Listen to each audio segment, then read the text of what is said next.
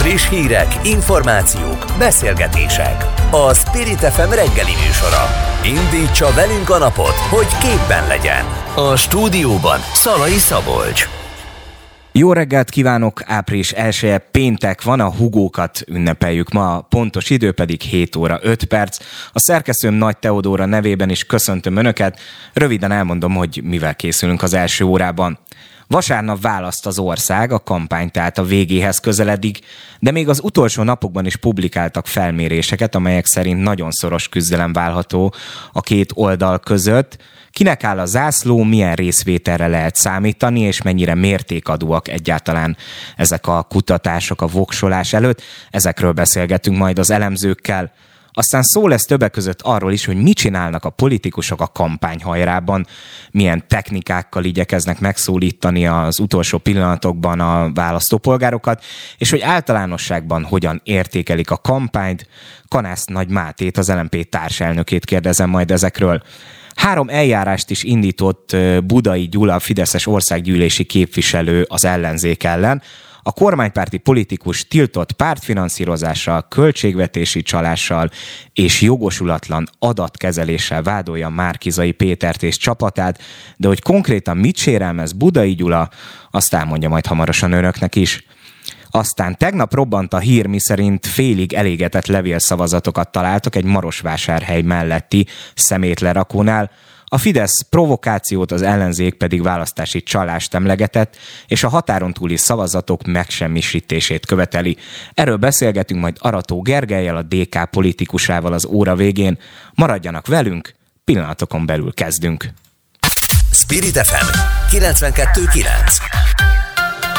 A nagyváros hangja Ugyanúgy 5% pontos különbséget mért a biztos szavazók körében a Fidesz-KDNP javára az IDEA intézet, valamint a század alapítvány a választásokat megelőző napokban. Míg előbbi szerint 50-45-re vezet a kormánypárt, addig utóbbi 49 és 44 százalékot állapított meg közvéleménykutatásában. Kisebb a különbség a teljes választókorú népesség körében, ahol az ellenzék támogatottsága 39%, a kormánypárté pedig 41 százalék százalékon áll.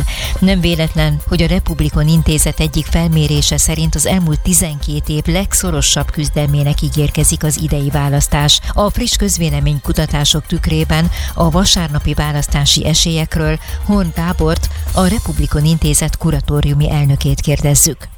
Jó reggelt kívánok! Jó reggelt! Ugye itt, ahogy a bejátszóban is említettük, az elmúlt napokban több kutatás is kijött, amelyek azt jósolják, hogy nagyon szoros választási eredmény várható majd vasárnap, de minden kutatás tulajdonképpen, ami az elmúlt időszakban megjelent, azok azt mutatták, hogy azért két-három százalék ponttal a Fidesz vezet ennyivel a választások előtt. Ez már egy lefutott meccs?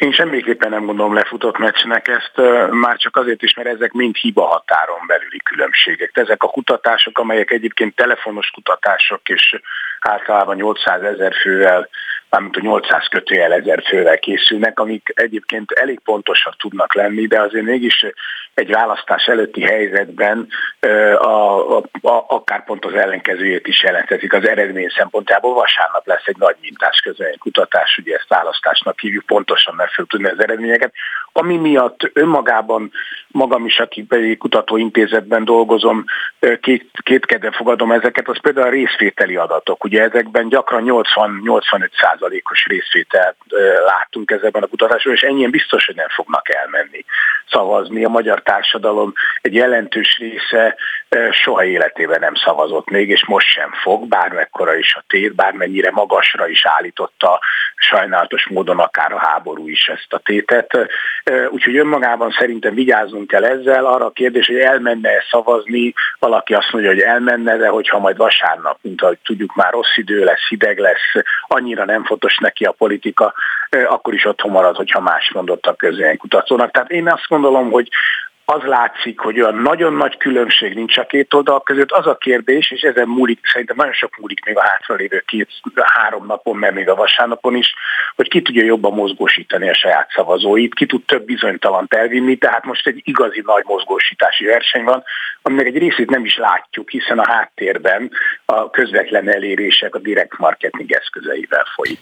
Beszélünk még a bizonytalanokról, mert ugye azt szokták mondani, hogy ők azok, akik eldönthetik ezt a választást, de egy kicsit még maradjunk annál, hogy vannak olyan országok, ahol a választás előtti ö, rövid időszakban, akár mondjuk a legutolsó héten már nem lehet publikálni közvéleménykutatásokat, mert azt mondják, hogy ennek van valamilyen fajta befolyásoló hatása.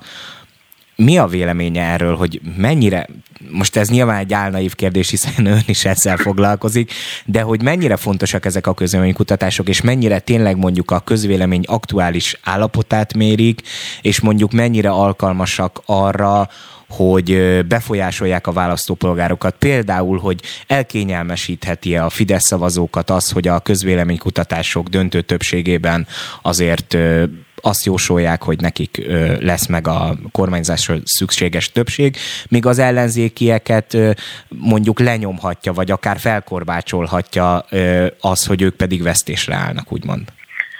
Hát igen, pont ez, amit mond, a teszi kérdésessé ezeknek a hatását. Én azt gondolom, hogy nagyon fontosak a közönkutatások, persze részemről ez nem csoda, hiszen ezzel foglalkozunk. De fontosak, hiszen ez egy tudomány, ez egy szakmai társadalomtudományi terület, ahol képet méghozzá nem is pontatlan képet kapunk arról, hogy mit gondol egy társadalom, de csak tendenciáiban. Tehát az, hogy most ma, ma mi van, meg tegnap mi volt, és egy hónappal ezelőtt mi volt, azokkal nagyon vigyáznunk kell, tehát nem napi pontosságú egy közönkutatás, hanem mondjuk ha azt nézzük, hogy az elmúlt négy-öt hónapban, egy fél éven keresztül mi zajlott le a magyar társadalomban, erről képet ad egy közönkutatás átlaga. Tehát például az, hogy tavaly ősszel volt egy valódi létező előnye az ellenzéknek a fidesz szemben, és a Fidesz ezt ledolgozta, ez kimondható ezekből a kutatásokból. Ez részben szerintem a, a, a jóléti intézkedéseknek következtében, tehát nem a háború kezelése, hanem a jóléti intézkedések következtében, részben akár az ellenzék elhibázott kampány stratégiának következtében is lehetett, ezt nem tudjuk pontosan megmondani. Tehát az a előnye, ami ősszel megvolt az ellenzéknek, a kutatások alapján elmondható, hogy elfogyott. Az azonban, hogyha egy-két százalékkal mondjuk a teljes népességű, mert szerintem ezek a pontosabb adatok, a teljes népességre vonatkozó adatok, vezet az egyik oldal a másikkal szemben, ezekkel nagyon vigyázzunk mert mondom, ezek hiba határon belül vannak. Van olyan kutató cég, a Medián talán, ami a legnagyobb különbséget méri, ugye ott ennél nagyobb a különbség, de ott hát a mandátum a... becslésük alapján közel kétharmados Így van. Én, én azt gondolom, hogy az is kimondható ezekből a kutatásokból, hogy ennél szorosabbnak tűnik az ered, a mérkőzés, és talán az is egy fontos elem, ezt el szoktuk felejteni, hogy ezek a kutatások a listáról szólnak. Tehát azt a kérdést teszik fel, hogy ön melyik pártra szavazna, melyik pártlistára.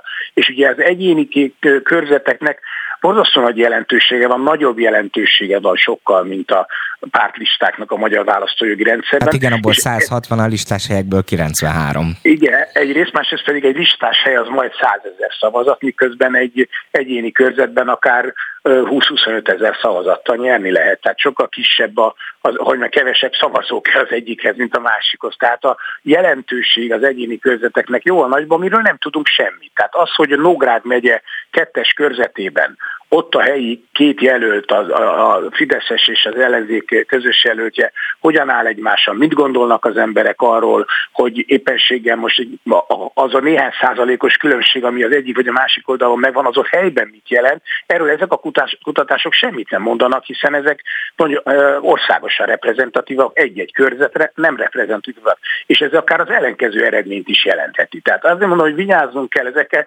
helyén kell kezelni. Nem azt mondom, hogy ezek nem hibásak a kutatások, hanem egy bizonyos pillanatban mérnek valamit, méghozzá csak egy részét ennek a történetnek, amit, amikor választásról beszélünk, és nem mondanak szinte semmit a bizonytalanokról, aki egy 800 fős, 1000 fős mintában, amiben van mondjuk 200 bizonytalan, és ennek a 200-nak a, a, a, a fele azt mondja, hogy semmiképpen nem megy el, el, elmenni, tehát összesen száz emberről nem lehet azt mondani, hogy ők ilyenek vagy olyanok. Ez olyan kicsi minta már, amiből nem lehet, nem szabadna következtetéseket levonni, hogy akkor a bizonytalanok inkább Fidesz felé orientálódnak, vagy inkább az ellenzék felé. Ez ilyen kis mintákban már nem megmondható. Tehát vigyázni kell, hogy meddig megyünk el a következtetésekben. Tehát én azt gondolom, hogy az mondható ki, hogy egy eddig nem látott, tehát mondjuk 2014 és 18-ban nem látszott szoros verseny van, aminek az az oka, hogy az ellenzék legalább oda állt a startvonalra a közös jelöltek és közös lista létrehozásával, és ennek az eredménye ez szerintem ma péntek reggel is elmondható, hogy kérdéses.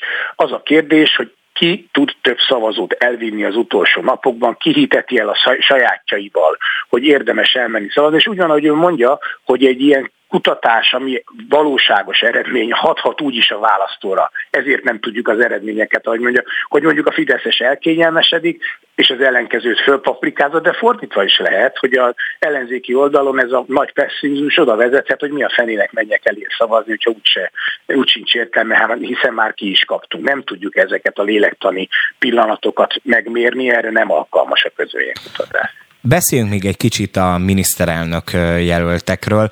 Ugye az ellenzék tavaly ősszel az előválasztáson döntött arról, hogy ki legyen Orbán Viktor kihívója, végül ugye Márkizai Péter esett a választás, és vele kapcsolatban az mindig egy ilyen várakozás volt, ezt ő saját maga is mondta magáról, hogy van lehetőség és potenciál abban, hogy ő vigyen el a Fidesztől szavazókat, vagy olyanokat is megszólítson, akik esetleg a baloldali összefogásban szereplő különböző pártokra nem szavaztak volna, de mondjuk a jobbikot sem tartják szalonképesnek ilyen szempontból, tehát hogy jobboldali szavazókat is bevonzon. Ez mennyire sikerült Márkizai Péternek? Én soha nem gondoltam azt, hogy egy elkötelezett Fideszes szavazót el tud vinni bárki a másik oldalon. Erre ez akkor lett volna, hogyha valamilyen értelemben a Fidesz összeomlik, ez nem következett be. Azt látni kell, hogy ezek az adatokból is egyértelműen látszik, hogy országosan kormányváltó hangulat nincs, ez elmondható, tehát nincs egy ilyen elementális igény arra, hogy egy másik kormány legyen, de valahol a kritikus tömeg szélén van ez a dolog. Én ezt egy hibás elképzelésnek tartottam az első pillanattól, hogy, hogy el lehet hozni Fideszes szavazót. Aki Fideszes szavazó volt mondjuk 2010-ben, az már elment onnan, tehát az már nem Fideszes szavazó, tehát volt szavazó, szavazó csere a Fideszben, ez látszik, hogy nem ugyanaz a szavazóbázisa ma a Fidesznek, mint mondjuk 2010 vagy 2006-ban volt, de ezek, ma, ezek a szavazók magukat nem gondolják már rég Fideszesnek, meg is sértődnének, ha azt mondanánk róluk, hogy ők Fideszes szavazó. Tehát én szerintem ez egy, ez egy tévedés, azonban az igaz a másik oldalról, hogy Márkizaj, aki nem egy klasszikus baloldali politikus finoman szólva, ő maga se gondolja magáról, és én se gondolom, vagy nem is nincs okunk rá az, róla ezt gondolni, azt a fajta nemzeti összefogást, amit az, az ellenzék megtestesít, hiszen itt nem egy baloldali pártszövetségről van szó, hiszen a Jobbiktól a Momentumon keresztül a alternatív zöld pártokig, ugye kettő is van, a párbeszéd meg az LMP is a szövetségben, sokféle párt van ebben a, a társaságban, ez nem egy baloldali összefogás. Igen, Ehhez én is képest... igyekeztem aztán korrigálni saját magamat. Igen, igen csak az, azért fontos, rá. igen, azért fontos ez, mert hogy a, abban az értelemben igazán Márkizajnak, hogy ő a, ezzel a jobboldali liberális arculattal, amit ő régéta épít magáról, és, és azt gondolom, hogy ez egy őszinte eleme az ő arcélének, hogy ez is őszinte, neki nagyon fontos előnye, hogy azt gondolhatja az ember róla, hogy olyan, ami, ami ennek látszik, tehát nem egy megcsinált szereplő, ez sok hibát is jelent, vagy kritikus elemet, de mégis azért ő egy politikán kívülről érkező, új arc, és szerintem inkább ez lehet az ő sávja, az ő többlethozatala a fiatalabb generációknál. Nagy kérdés az, hogy a fiatalok, akik egyébként jellemzően nem szoktak elmenni szavazni, ez nem minden fiatalra jellemző elnézést tőlük, de azért a fiatal generációk tipikusan nem a, a, arról híresek, hogy nagyon aktívan részt vennének a szavazáson. Ha ők meglátják azt, hogy mégis érdemes elmenni szavazni, mert olyan nagy a tét, és ennek lehet oka, hogy látnak egy olyan szereplőt, aki másképp viselkedik, másképp beszél, másképp viszonyul a világhoz, mint általában a nagyon végig gondolt, nagyon kimódolt politikai szereplők, akiket látunk a magyar politikában is, nem csak a magyarban, akkor az jelentett egy valódi pluszt ezen az oldalon. Tulajdonképpen az őszi előválasztás sikerének ez volt az oka, azt láttuk, hogy Márkizaj akkor el tudott vinni egy teljesen új, a politikában addig a, se az ellenzéki, se a kormányzati oldalon nem látható politikai szereplőgárát, több mint 200 ezer ember. Meglátjuk, ha ez hogy ez sikerül, majd, akkor, ö... akkor, akkor lehet bármi, igen. Vasárnap kiderül, csak győzzük kivárni. Nekem van egy olyan félelmem, hogy lehet, hogy hétfő reggelig kell majd várni az eredményekre, de ne legyen igazam. Na hát soká lesz, én is azt gondolom, hogy ez egy nehéz szülés lesz a végén. Igen, de az a lényeg, hogy meglegyenek. Horn Gábornak, a Republikon intézet vezetőjének köszönjük szépen, további szép napot! Én is köszönöm, viszont hallásra. Spirit FM 92.9 A nagyváros hangja Jelentős Fidesz győzelmet jósol a Medián Intézet legfrissebb előrejelzése. A közvéleménykutató szerint akár nagy arányú kormánypárti győzelem is születhet vasárnap. A szerdán megjelent felmérést ugyanakkor élesen bírálta Márkizai Péter egy Pécset tartott kampányeseményen. Az ellenzék miniszterelnök jelöltje szerint ugyanis a közvéleménykutatás inkább Orbán Viktor véleményét tükrözi, semmint a választópolgárokét. Karácsony Gergely pedig emlékeztetett, nem közvéleménykutatást kell nyerni, hanem választást. A vonalban Deák Dániel, a 21. század intézet vezető elemzője. Jó reggel! Jó reggel kívánok! Ugye 2018-ban a mediánnak a mérései voltak a legpontosabbak a választás előtt, és most a legfrissebb felmérésük megint azt mutatja, hogy hát közel kétharmados mandátumot becsültek a Fidesznek. Miért lehet ez? Igen, hát ugye az e- mérések igazából egy irányba mutatnak, tehát nagyjából párthovatartozástól függetlenül a közvéleménykutatók mindegyike azt jelzi elő, hogy a fidesz kdnp nek a választásnak az esélyese, a legszorosabb az nagyjából ilyen 2-3 százalék pontos különbség, és a legtágabb ez pedig 10 százalék pontos különbség.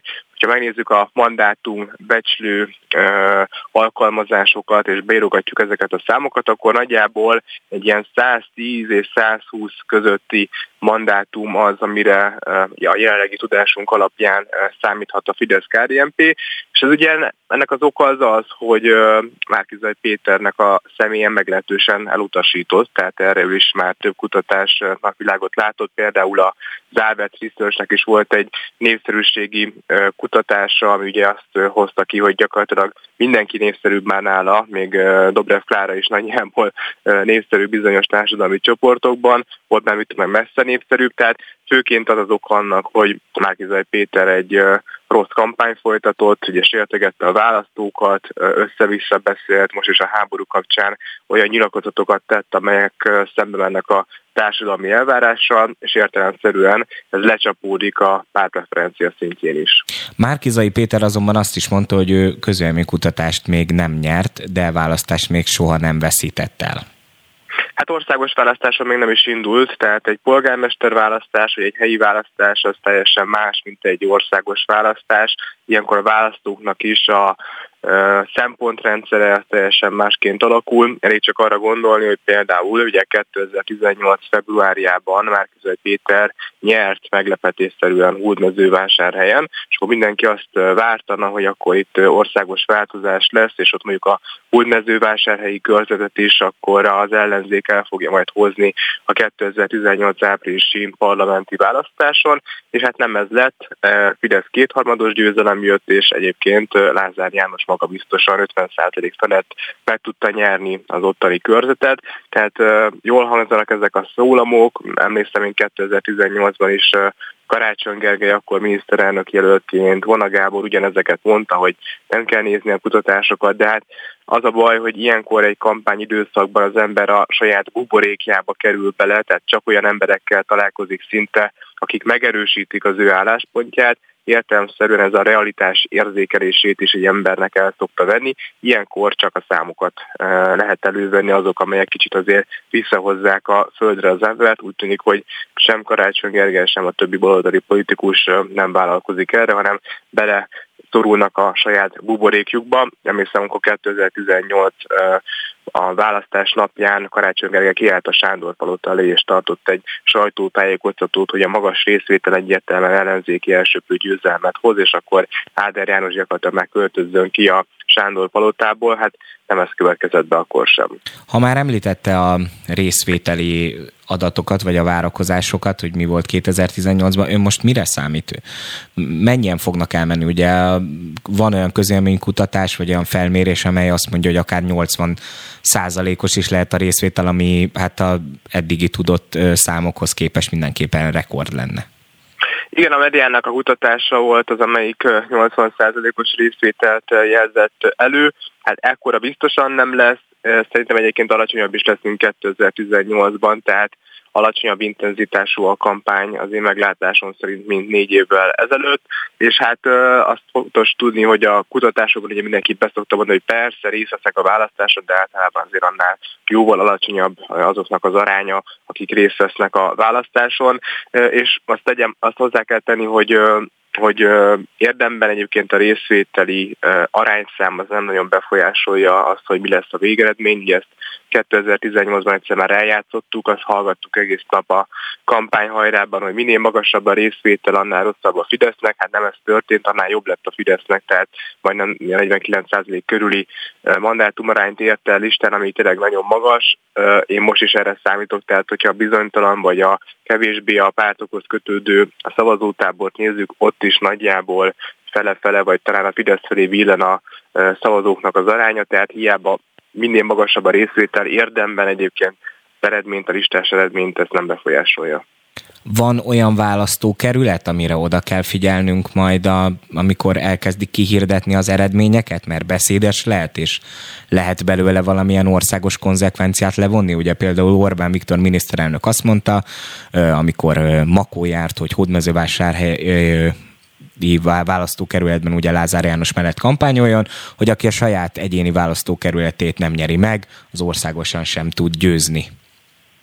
Igen, tehát a Lázár-féle körzet a szimbolikus értelemszerűen, hogy ott Márkizaj Péter kikap akkor, és még országosan is kikap, akkor onnantól kezdve Márkizajnak a politikai életben szerintem több helyen nagyon nem lesz országos szinten, és hát a választás napján általában mindig a budapesti adatok érkeznek be először, és a Budapesten van azért három-négy körzet, ahol a Fidesz nem azt mondom, hogy esélyes, de hogy ott azért van arra remény, hogy a Fidesz azt tudjon nyerni. Fűrjes Balázs, Tatmári Kristóf, Dunai Mónika, tehát ezek azok a politikusok, vagy akár még a nyolcadik kerület is ilyen lehet, ahol több ellenzéki jelöltés indul. Tehát vannak azért Budapesten olyan körzetek, ahol ha a választás napján az első adatok beérkezésén egy Fidesz előny van, akkor az azt jelzi, hogy országos szinten a Fidesz tarol. Tehát, hogy ha Budapesten legalább egy vagy két körzetet a Fidesz el tud hozni, akkor ez a kétharmad közeli mandátumbesés a Fidesz számára az teljesen reális. Tehát, hogy ilyen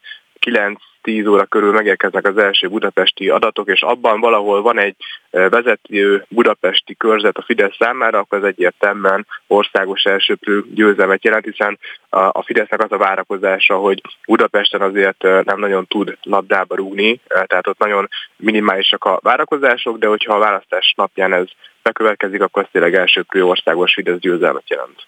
Deák Dánielnek, a 21. század vezető elemzőjének köszönjük szépen, hogy itt volt és elmondta mindezeket. További szép napot! Köszönöm, viszont kívánom! Friss hírek, információk, beszélgetések. A Spirit FM reggeli műsora. Indítsa velünk a napot, hogy képben legyen. A stúdióban Szalai Szabolcs. Kampányhajrába érkezett a 2022-es országgyűlési választás. A vasárnapi szavazást megelőző napokban azonban olyan események borzolják az ellenzéki politikusok idegeit, mint a Medián Intézet szertai felmérése, amely szerint akár nagyarányú Fidesz győzelem is születhet. Nem is beszélve arról, hogy egy teljes zsák kidobott, és részben elégett magyarországi választási szavazólapra bukkantak egy Marosvásárhely melletti hulladéklerakatban, amelyek között több az ellenzéki ellenzéki összefogásra leadott szavazat is található. A DK ezért a határon túli levélszavazatok azonnali megsemmisítését követeli. A vonalban Kanász Nagy Máté az LMP társelnöke. Jó reggelt! Jó reggelt kívánok! Hát nem egy hálás feladat, de akkor kezdjük először a felmérésekkel. Mit szól az elmúlt napokban publikált adatokhoz? Csalódott? Nem, egyáltalán nem. Hát az egy közhely, de egyébként nagy igazság a politikában, hogy nem közvéleménykutatást kell nyerni, hanem választást. És számos ilyen helyzet volt már, ahol lehet, hogy a közvéleménykutatások egy pici elmaradást mutattak, de egyébként mondjuk az ellenzék megnyerte, és nagyon megnyerte a választást, mondjuk a legutóbbi budapesti választásokra, önkormányzati választásokra gondolok, de számos nagyváros esetében igaz volt. Egyébként, ha megnézzük a mostani számokat, ezek hát gyakorlatilag hibahatáron belüli különbséget mutatnak. Itt az ellenzék Márkizai Péter vezetésével és a Fidesz fejfej mellett áll. Dolgozni kell, nagyon sokat kell még dolgozni a következő órákban, ezt meg fogjuk tenni, és megnyerjük a választást. Mit csinál ilyenkor egy politikus a kampányhajrába? Egy kicsit így tépjük fel, a, és nézzünk be a motorháztető alá, hogy mi történik a kampányhajrában. Ő mivel tölti ezeket az utolsó napokat? Én személy szerint és konkrétan Csárdi Antal kampányát fogom segíteni a, ebben a három napban. Itt azért nagyon különböző dolgokat lehet csinálni. Ugye egyrészt nyilván a pártvezetők valamennyire vezetik, szervezik a saját csapatokat, de egyébként én például ugyanúgy be fogok állni, mondjuk telefonálni, callcenterezni, kopogtatni, kitelepülni, tehát ezeket a különböző utolsó órában nagyon-nagyon fontos mozgósítási technikákat mind ki fogom próbálni, de ez korábban is így volt úgyhogy minden fronton helyt kell állni. Tényleg maximálisan 1000%-ot bele kell adni, és akkor meg fogjuk nyerni a választást, én ezt érzem. Itt az utolsó pillanatokban még van esély arra, hogy átfordítsanak szavazókat, vagy hogy megszólítsanak újakat? Próbálkoznak még egyáltalán ilyesmivel, vagy igazából inkább arról van szó, hogy azok, akik vannak, azokat mindenképp el kell vinni majd vasárnap az urnákhoz? Én azt gondolom, hogy alapvetően az utóbbi a hatékony, és az utóbbira fókuszál mindenki, hogy a már meglévő szimpatizánsi támogatói bázist elvigye az urnákhoz. De egyébként nekem az a tapasztalatom, hogy még az utolsó órákban is lehet eredményt elérni. Hát persze természetesen a szavazás titkos, nem lehet tudni ki hogyan szavaz, de számos olyan eset volt, amikor az állampolgárok mondjuk azt érzik, hogy lehet, hogy van egy pici szimpati, szimpátiájuk valaki iránt, vagy valaki iránt inkább, de mondjuk eddig még nem kereste meg őket senki, és egy ilyen utolsó impulzus, utolsó megkeresés, megerősítés eldönti végül a szavazatokat. Természetesen erre is készülünk, és, és, és nyilván próbálkozunk, de még egyszer alapvetően a meglévő bázist kell elvinni, már pedig ha a meglévő ellenzéki bázis elmegy szavazni, akkor megnyerjük a választást, mert vagyunk elegen, hogy legyőzzük a Fideszt. Hogyan értékeli egyébként a, a kampányt, és főleg a saját teljesítményüket? A saját teljesítmény alatt nem az LMP-re gondolok konkrétan, mint pártra, hanem mint az összellenzékre.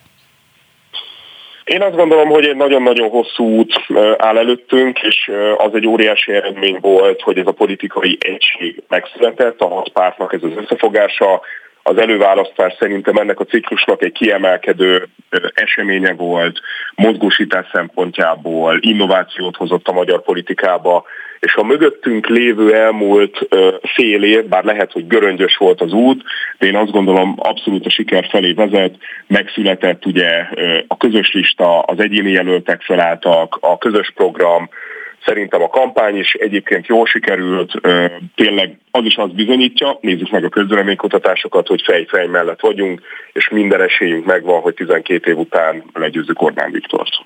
Ez már Kizai Péternek köszönhetően, vagy van így, vagy ellenére? Én azt gondolom, hogy ennek a sikernek közösnek kell lennie, és ebből Márkizai Péter is óriási részben természetesen, mint ennek az ellenzéki szövetségnek a vezetője kiveszi a részét.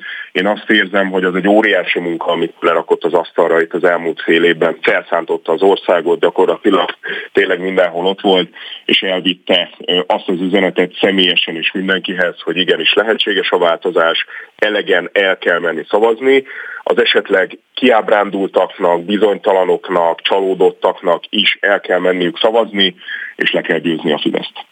Ezt nem azért kérdeztem már Kizai Péter kapcsán, mert rossz indulatú lennék vele szemben, nincs ö, semmilyen sem, személyes nézeteltérésünk, hanem azért, mert ugye ő az előválasztási ö, kampány alatt nagyon sokat hangoztatta azt, hogy ő olyan szavazókat is meg tud szólítani, amit a többi jelölt nem, és ö, ugye itt ö, legfőképpen azt mondta, hogy a Fideszben csalódott jobboldaliak az, akiket ő mozgósítani tud. Sikerült ez már Kizai Péternek ön szerint? Én azt gondolom, ez valóban, amit mond, az abszolút egy tudatos stratégia, és nem is titkolt stratégia részéről. Én azt gondolom, hogy sikerült, illetve sikerülni fog, de nyilván ennek vasárnap lesz meg az eredménye. Azért itt a különböző részadatokból és pár az utólagos elemzésekből azért nagyon világosan fog ez látszódni, hogy sikerült-e, illetve nyilván minden stratégiát az igazol, hogy sikerül-e esetünkben ugye a célnak az elérése, a kormányváltás, ez ki fog derülni ugye vasárnap 7 óra után. Márkizai Péter korábban azt mondta, hogy ez egy tisztességtelen választás, és ugye, ahogy a bejátszóban is elhangzott a tegnapi napon, Erdélyben Marosvásárhely mellett egy szemétlerakóban találtak egy zsáknyi levél szavazatot, ami hát így félig elégettek, meg azt sem igazán tudjuk, hogy egyáltalán hogy kerültek oda számítanak választási csalásra, és hogyha esetleg önöknek nem kedvező eredmény születik, akkor el fogják fogadni az eredményt, vagy kialakulhat egy olyan mhm. vitás helyzet, amiből így ilyen róka fogta a helyzet van? Én azt gondolom azért nem fog kialakulni vitás helyzet, mert megnyerjük a választást vasárnap, de egyébként az való igaz, hogy, hogy iszonyatosan lejt a pálya a, a kormánypártok a Fidesz Orbán Viktor felé, azért ugye elmúlt 12 évben amilyen rendszert kiépítettek, és most itt a finanszírozásról, a média viszonyokról, a kommunikációról, stb. stb., hogyha beszélek, hogy ugye mekkora előnyük van ebben, mekkora forrásokat tudnak erre rászánni, akkor teljesen egyértelmű. A tegnapi eset, itt ugye a, a, az erdélyi szavazó cédulákra gondolok, szintén egészen elképesztő, feljelentés, kivizsgálás, itt mindent meg kell nézni. Abból a szempontból viszont nagyon bizakodó vagyok, hogy egyéb csalásra talán nem kerülhet sor, hiszen ugye több mint 20 ezer szavazóköri delegáltunk van, ott vagyunk minden település, minden szavazókörében, és árgus szemekkel figyeljük a választásnak a tisztaságát. Én azt gondolom, ezt a választást nem lehet elcsalni, és pont emiatt is meg kell ezt nyernünk, és meg is fogjuk nyerni. Még egyszer vasárnap 7 óra után ki fog derülni, és innen is arra biztatok minden kedves hallgatót, hogy menjen el szavazni, de családtagjait, rokonait, barátait, ismerőseit is bízza meg, győzze meg, és akkor még egyszer abszolút bizakodhatunk a győzelemben, és ezt meg is fogjuk, meg is fogjuk nyerni. Még itt a végén egy kicsit beszéljünk röviden arról, hogy ugye ön az LMP-nek a társelnöke. Az LMP mit adott hozzá az ellenzéki összefogáshoz tulajdonképpen? Azt, amit minden egyes párt, a kiváló egyéni jelölteket, részvételt a programalkotásban, magas gondolatokat, és ennek az egész kampánynak a, a legfontosabb részét, a mozgósítást, a kampányolást, azt, hogy ott vagyunk az utcákon, a tereken, az aluljárókban, hogy telefonálunk, hogy level, hírleveleket küldünk ki, hogy a Facebookon nagyon aktívak vagyunk. Tehát tényleg, ami a kampánynak csínja, bínja, ugye az LMP azért ebből a szempontból nagyon komoly tapasztalatokkal rendelkezik, rázós helyzeteket tudtunk megoldani itt az elmúlt 12 évben, minden tudásunkat, minden erőnket ebbe én azt gondolom maximálisan beleadtuk, úgyhogy én az LMP teljesítményére, teljesítményével kapcsolatban persze várjuk meg a vasárnapot, de elégedett vagyok, én azt gondolom ez meg fogja hozni az eredményét. Még röviden arra rákérdeznék, hogy milyen részvételre számít? Magas, mindenképpen nagyon magas. Én ilyen 71, 2, 3 talán 75%-os részvételre, tehát gyakorlatilag rekordra vagy rekord közeli részvételre számítok mindenképpen. Talán a 80% amit egyesek mondanak picit túlzó, de akkor sem lepődnénk meg, de mindenképpen 70% fölött leszünk, ami azért azt gondolom nagyon magas és egy nagyon szép részvételt fog mutatni. Nekünk a minél magasabb részvétel a jó, a demokráciának általában a minél magasabb részvétel a jó, hiszen akkor jó egy döntés, hogyha annak a meghozatalában minél többen veszünk részt, úgyhogy még egyszer mindenki menjen el szavazni vasárnap. Kanász Nagy Máténak az LMP társelnökének köszönjük szépen, hogy itt volt velünk, további szép napot! Köszönöm szépen. Spirit FM 92.9 A nagyváros hangja Három eljárást is indított az ellenzéki összefogással szemben Budai Gyula, Fidesz országgyűlési képviselője. Jogosulatlan adatkezelés, tiltott kampányfinanszírozás és költségvetési csalás bűncselekményének gyanúja miatt tett feljelentést a politikus. Budai Gyula szerint ugyanis kedden az ellenzéki összefogás SMS-eket küldött ki több millió állampolgárnak olyan telefonszámról, amely nem volt visszahívható. A politikus úgy véli, felbeti a jogosulatlan adatkezelés gyanúját az, hogy ilyen milyen nagy mennyiségű adattal, telefonszámmal rendelkeznek, amelyet szavai szerint törvénytelen úton szerezhettek meg. Mindeközben a népszava arról ír, folyamatos rágalmazás és hazudozás, valamint kokainvád miatt is beperli Szabó Tímea, a párbeszéd társelnöke Budai Gyulát, a külügyminisztérium miniszteri biztosát. A vonalban Budai Gyula. Jó reggelt kívánok! Jó reggelt kívánok, köszöntöm a hallgatókat. Hát itt a ö, kampányhajrában ö, történtek ezek az események, ami helyek kapcsán ön felés bejelentéseket tett. Mire számít? Kezdhetnénk a legutolsó hírrel, mert azt gondolom a rádióhallgatókat is érinti, hogy tegnapi napon a Nemzeti Nyomóziroda kábítószer kereskedelem bűncselekménye miatt elrendelte a nyomozást abban az ügyben, amiben feljelentést tettem.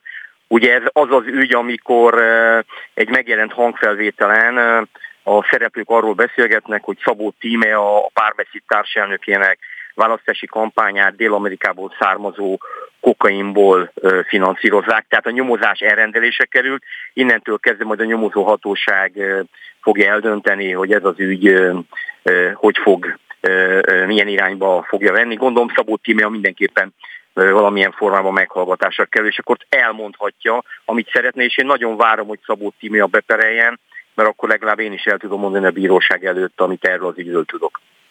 Ugye ítéletet végül a bíróság mond majd ezekben az ügyekben, de hát itt a választások előtt a, a szavazópolgárok is levonhatják belőle a konzekvenciát.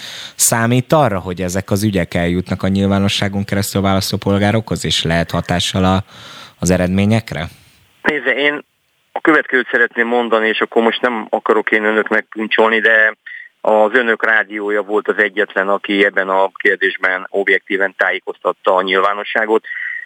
Ugye múlt héten szombaton jelent meg ez a hangvétel, hangfelvétel, és a független és objektív ellenzéki média egy szót nem írt napokon keresztül, elhallgatták az ügyet. Akkor kezdtek el írni róla valamit, amikor ugye Szabó Tímea bejelentette, hogy engem beperel rágalmazásért, majd aztán rájdöbbent, hogy ugye a rágalmazás egy magánvádas eljárás, és akkor már személyiségi pert akart indítani. Én javasolnám Szabó Timának, hogy kérdezze meg Ceglédit, vagy valami ügyvédet, hogy mi a helyes jogi lépés ebben az ügyben. Hát azért van az az újságírói iskola, ami ugye azon alapszik, hogy egy állítást nem közölnek, hanem mondjuk egy ellenállítást is keresnek ezzel kapcsolatban, de most nem a médiaiskola hallgatóinak tartunk ilyen szempontból előadást. Ugye itt azért elég erős vádak fogalmaztak meg. Vannak erre azért komoly bizonyítékok? Például ugye itt van ez az SMS ügy. Az én Igen. ismeretségi körömben is volt olyan, aki kapott, úgyhogy személyesen is empirikus tapasztalásom van ezekről. Ezekben szerepel név, tehát meg van szólítva az adott szereplő, ezért vélhetően valamilyen adatbázisból származó információk ezek, és hát nyilván az ellenzéknek kedves üzeneteket tartalmaznak, de azért nincs odaírva, hogy ezt mondjuk XY párt küldte volna. Hogyan lehet ezt bizonyítani akkor? Hát nézze, hát én érintett vagyok ebben, és a családom többi tagja is. Én is a, Akkor egy, a egy adatbázisban is. is szerepelünk. Igen, a lányom is. Én Gyula névre kaptam, nincs ebbe semmi titok, a lányom pedig Virág, budai Virág névre kapta, és még a családból többen kaptak ilyen SMS-t, és én semmilyen olyan ellenzéki összefogás vagy pártnak nem írtam alá, miért is írtam volna alá, hozzájárulva ahhoz, hogy az én privát, ez egy privát telefonszám, és a, a lányom mm, száma is privát telefonszám, ezt csak egy olyan adatbázisból szerezhették meg, ami ők nem voltak jogosultak. Ugye én ezért fordultam Péter Falvi Attila elnök úrhoz ebben a kérdésben, és kezdeményeztem egy vizsgálatot, mert biztos vagyok benne, nem biztos, meg vagyok győződve arról, hogy ez az adatbázis jogosulatlanul került az ellenzékhez. Én megpróbáltam ezt a számot visszahívni, de ez a szám visszahívhatatlan volt. Én nem vagyok ö, ö, informatikai vagy adatvédelmi szakértő, de több százezer milliós nagyságrendben ment ki célirányos névre szóló SMS, és az ellenzékre való szavazásra buzított. Hát ha valaki azt gondolja, hogy ez véletlen vagy összeesküvés elmélet, az az ő saját problémája, de hát aki kapott SMS-t, az átélte, illetve tudással bír erről a dologról. Beszéljünk egy kicsit még arról, hogy a tegnapi napon egy zsák kidobott és részben elégetett levélszavazatot találtak Erdélyben. Mit szól ehhez? Kezdjük a, a Telexnek a magyarázkodásával ugye megjelent, hogy egy február 1-i dátummal bekészített cikkről van szó, majd ugye Dúl Szabolcs berohant a médiába és elkezdte magyarázkodni, ez technikai hiba volt. Ez az ő saját problémájuk, egyébként nem az első ilyen fake news, amit a telek terjeszt, de én jogászként szeretném elmondani, én éveken keresztül különböző választási bizottságokba jogászként ücsörögtem, hogy érvénytelen vagy nem érvényesített szavazólapokra vonatkozóan semmilyen bűncselekmény nem, kell, nem lehet elkövetni. Tehát nem lett volna egy hátrány, ha a telexes újságírók választásban jártas jogászokkal ö, konzultálnak, mert teljesen egyértelműen azt gondolom, hogy itt a választási kampány hajrában ez egy elhibázott ellenzéki kommunikációs panel volt, ami egyébként pillanatok alatt összeomlott. Tehát aki megnézte azokat a felvételeket, ami a sajtóban megjelent, teljesen egyértelműen látszik, hogy azok érvénytelen szavazólapok, amit valaki kidobott, vagy felgyújtott, teljesen mindegy, és megpróbálták a Fideszre, vagy a Fideszen keresztül a határon túli magyarokra rákenni, és ebből az ellenzék már azt a következtetést vonta le, hogy az összes levélszavazat érvénytelen. Hát mindenkinek a saját belátására bízom, hogy egy ilyen kreált ügyben mit lát. Én jogászként azt mondom, hogy ez egy eléggé, hogy így mondjam, pitiáner elhibázott kommunikációs trükk volt, és az, hogy a Telexit neki kell magyarázkodni, hogy ugye egy február 1 dátummal megjelenő vagy bekészített cikk vonatkozásában jött ez elő, majd Szabolcs mindenféle technikai hibára hivatkozik, azért egy főszerkesztő már vegye a, a fáradtságot és nézze meg, hogy a saját lapján mi történik mindenki fog derülni, ugye ebben az ügyben a Nemzeti Választási Iroda feljelentést tett, és hát reménykedünk benne, hogy nyomozás is fog indulni, és akkor ki fog derülni majd az igazság ebben is. Budai Gyula, a Fideszes országgyűlési képviselőnek köszönjük szépen, hogy itt volt. Én is köszönöm az ismételt lehetőséget. Minden jót kívánok. Spirit FM 92.9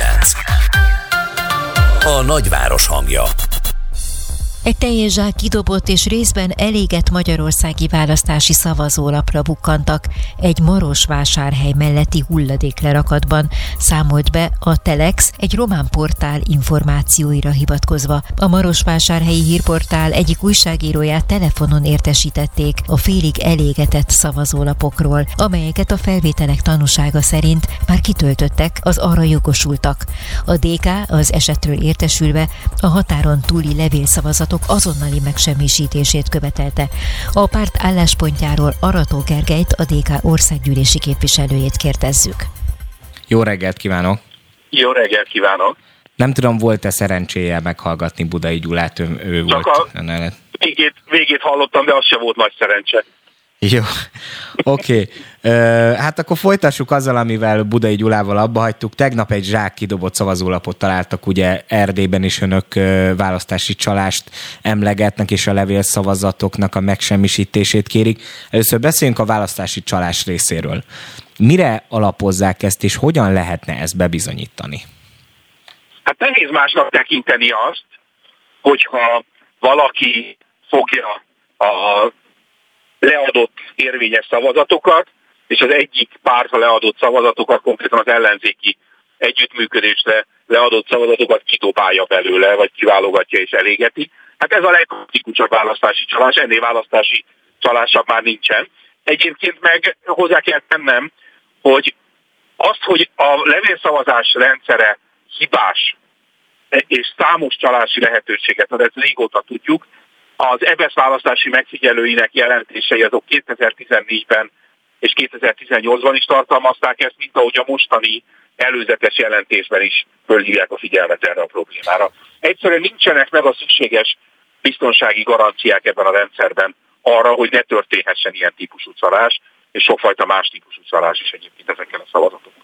De ezt honnan tudjuk egyébként, hogy a kidobott szavazólapok azok mondjuk nem önöknek kedveznek? Ugye az az általános vélekedés, hogy a határon túli magyarok inkább a Fideszre voksolnak. Hát igen, ez nekik sem érdekük. Igen, igen, igen, csak itt konkrétan csupa ellenzéki szavazó, szavazólap volt eléget, hogy ezt lehet látni a maradékokból. Uh-huh.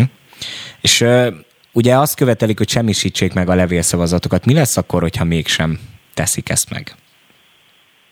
Tehát ugye várjuk végig meg ezt az eljárást, ugye jogi eljárást indítottunk a Nemzeti Választási Bizottságnál, ezt nyilván a bíróságokon is hozni fogjuk. Hozzáteszem, ez nem csak a, a felkonferálással szemben, ez nem csak a DK-nak az álláspontja, bármi természetesen ezt nagyon támogatjuk, ez hanem ez a hat, hat ellenzéki szervezetnek a közös álláspontja így van.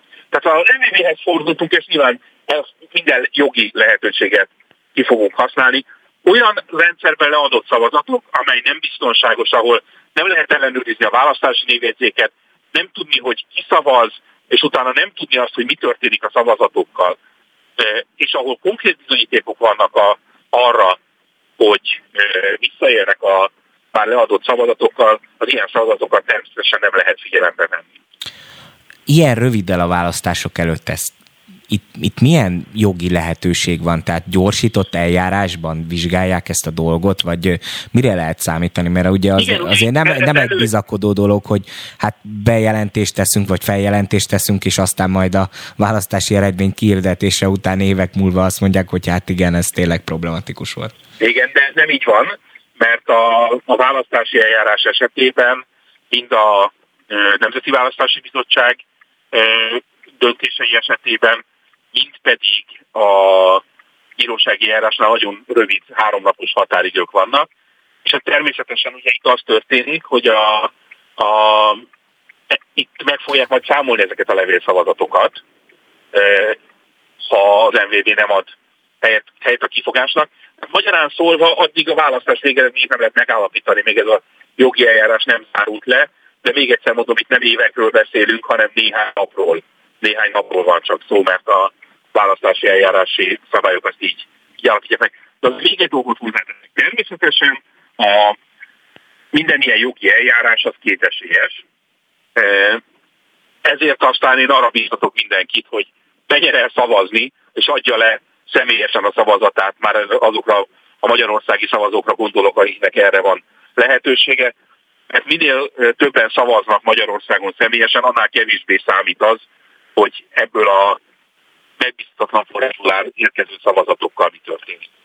Mondott egy nagyon érdekeset, ami, ami engem személyesen újságíróként is érint, hogy ha jól értem, akkor tulajdonképpen addig, ameddig ezek az eljárások, ha ezeket ugye befogadják és elindítják a levélszavazatok kapcsán, akkor tulajdonképpen amíg ezek a vizsgálatok nem zárulnak le, és nem születik ebben valamilyen döntés, addig hivatalosan nem lehet majd eredményt hirdetni? Igen, ez így van, de ez nem újdonság egyébként, ez minden választás esetében így van. A választás estén csak az itthon leadott szavazatoknak az előzetes, az előzetes eredményét lehet megismerni, utána meg kell várni még, amíg egyrészt megérkeznek külföldről és vidékről az átjelentkezők szavazatai, ezeket is bekeverik, megszámolják, utána ugye ebben párhuzamosan megszámolják a levélszavazatokat, ez alapján alapítják meg a választásnak az előzetes eredményét, és aztán van mód fellebbezésre. 2018-ban is egyébként például sor került ilyen jogi e, eljárásokra, és csak ezután került sor a választás eredmények hivatalos megállapítására. Ezért van egyébként az, hogy a országgyűlés e, általában csak körülbelül egy hónappal a választás után tud megalakulni, mert addig, amíg nincs hivatalos végeredmény, természetesen nem lehet hivatalosan az országgyűlésnek sem megalakulnia. Ugye azt szokták mondani, hogy ezek a levélszavazatok ön körülbelül egy-két mandátumot befolyásolnak ilyen szempontból, úgyhogy ha ennél nagyobb különbség lesz a választásokon, akkor ilyen szempontból azért már sejthető a végeredmény. De még egy kicsit beszéljünk arról, hogy Aratúr önnek sincs üveggömbje, és nekem sincs, de véleményünk azért lehet. Mire számít vasárnap? Azt látjuk minden kutatásból, minden, minden felmérésből, egyébként hozzáteszem, személyes tapasztalataimból is, hogy nagyon-nagyon szoros a verseny, közel állnak egymáshoz a közel áll egymáshoz a Fidesz és az ellenzék, úgyhogy itt most tényleg azt tudom mondani, hogy, hogy minden szavazónak el kell mennie, nyilván én szívem szerint azt mondom, hogy főleg azoknak a szavazóknak különösen, akik nem akarják azt, hogy Orbán Viktor maradjon Magyarország miniszterelnöke, nekik mindenképpen el kell menniük szavazni, és mindenképpen a közös ellenzéki jelöltekre és ellenzéki listára kell szavazniuk, mert csak ez a, ezek a jelöltek és ez a lista tudja legyőzni a Fideszt. Arató Gergely, a Demokratikus Koalíció országgyűlési képviselője. Köszönjük szépen, hogy itt volt. További szép napot! Én is köszönöm szépen! Friss hírek, információk, beszélgetések. A Spirit FM reggeli műsora. Indítsa velünk a napot, hogy képben legyen. A stúdióban Szalai Szabolcs. 8 óra 5 perc van. Jó reggelt kívánok azoknak, akik csak most csatlakoztak hozzánk, és azoknak is, akik az elmúlt egy órában már itt voltak velünk. Nézzük, hogy az elkövetkező órában mivel fogunk foglalkozni. Letiltotta a Facebook a Mi Hazánk oldalát a választás hetében. A kampány jelentős részben már a közösségi médiában zajlik, ezért komoly versenyhátrányba került a mi hazánk. Mit tehetnek most? Erről beszélgetünk majd Siffer András ügyvéddel pillanatokon belül. Aztán szót ejtünk a magyar kétfarkú kutyapártról is, esélyt latolgatunk, hogy vajon bejutnak-e a parlamentbe. Kik egyáltalán a kétfarkú kutyapártnak a szavazói, ezt beszéljük majd meg Bolyár Áberrel, a 21 Kutatóközpont elemzőjével. Szó lesz az energiahordozók helyzetéről is. Orbán Viktor szerint ugyanis nélkülük leállna a magyar gazdaság. Grád Ottoval a Magyar Ásványolaj Szövetség főtitkárával beszéljük majd ki a témát. Aztán a kampány és a háború árnyékában lassan megfeledkezünk a koronavírus járványról, pedig ez azért elég szerves része az életünknek már évek óta sajnos. Rusvai Miklós virológus lesz a vendégünk az óra végén.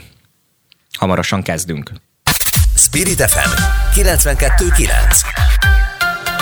A nagyváros hangja Durván kiakadt Sifer András közösségi oldalán, miután napokkal a választást megelőzően a Facebook letiltotta a Mi Hazánk oldalát. Az LMP egykori elnöke posztjában arról ír, a jobboldali radikális pártól valóban nem álltak messze a rasszista utalgatások és a homofób úszítások. Ennek ellenére a tűrhetetlen nézeteket és a politikai alternatívákat egyaránt nekünk, magyaroknak kell mérlegre tennünk, és nem külföldi jó embereknek. Nem a Big Tech szereplő szereplőinek. A témában Sifer András jogászt volt országgyűlési képviselőt kérdezzük. Jó reggelt kívánok, és a bejátszóval ellentétben én végig jogászként fogok őre hivatkozni. Jó reggelt! Ugye nem először ö, szankcionálja a Facebook a mi hazánkat, a párt elnökének Torockai Lászlónak a nevét gyakorlatilag le sem lehet írni a legnagyobb közösségi média platformon. Ez miért van így? Ha rövid akarok lenni, akkor azért, mert a Facebook az régen nem tartozik már egyetlen nemzetjoghatósága alá sem, állam az államok felett saját maga által alkotott szabályok szerint játszik. A probléma abban van, hogy miközben minden ország próbál nagyon szofisztikált médiaszabályozást, választási kampányszabályozást alkotni, az a médiaeszköz, ami a legnagyobb figyelmet generálja egy választási kampányban, azzal szemben egész egyszerűen a nemzetállami jogalkotások hatástalanok, és gyakorlatilag önkényesen, hát ebben az esetben is az történt, hogy mindenféle konkrét indokolás nélkül kizárhat a politikai nyilvánosságnak egy jelentékeny szeretéből bármely szereplőt. Ugye itt most nagyon komoly verseny hátrányba került a mi hazánk, hiszen a, ahogy ön is mondta, a kampány tulajdonképpen már jelentős részben a közösségi médiában zajlik. Az, hogy a ö, mi hazánkot most ö, letiltották, ugye annak két oka lehet. Az egyik az, hogy valamilyen automatikus rendszer érzékelt valamilyen fajta szabálysértést, vagy, ö, vagy pedig a felhasználók jelentették mondjuk túl sokszor a mi hazánknak a Facebook oldalát, és ezért léphettek. Ilyenkor milyen lehetősége van egyáltalán a, a, a mi hazánknak a képviselőinek bármit ö, ilyen szempontból ellene tenni? Hát rendkívül szűkös, és itt messze nem a mi hazánkról van szó. A dolog azért durva, mert egy választási kampányban vagyunk, és egy parlamentbe jutásra esélyes pártról beszélünk, de bármikor bárkit, mint ahogy a mi hazánk listavezetőjét már sokkal korábban letiltották, és lehet, hogy egy következő választási kampányban még erősebb szereplőket fog kiiktatni a versenyből ez a gigacég. Nyilván lehet bohóckodni a Facebooknak az általános szerződési feltételeivel, pont Torockai László ezt most meg is próbálta egy, magyar bírói fórum előtt. Jellemző módon az írbejegyzésű Facebook cég nem egyszerűen, nem egyszerűen magyar szereplőkkel, állampolgárokkal pofátlan, hanem a magyar bírósággal is meglehetősen pofátlanul viselkedik. A megoldás az nem a magyar állam kezében van. Itt az Európai Uniónak kéne, minimum az Európai Uniónak kéne rendkívül sürgősen lépni, és én a posztomban is azért hiányoltam már előre hogy a nemzetközi megfigyelők vélhetően pont ezzel nem fognak foglalkozni, mert éppen a nemzetközi szervezeteknek lenne abban tenni valójuk, hogy az egész világ politikai nyilvánosságára fenyegetést jelentő gigacégek mennyiben tartják tiszteletben mondjuk a különböző nemzetközi egyezményekben megfogalmazott normákat.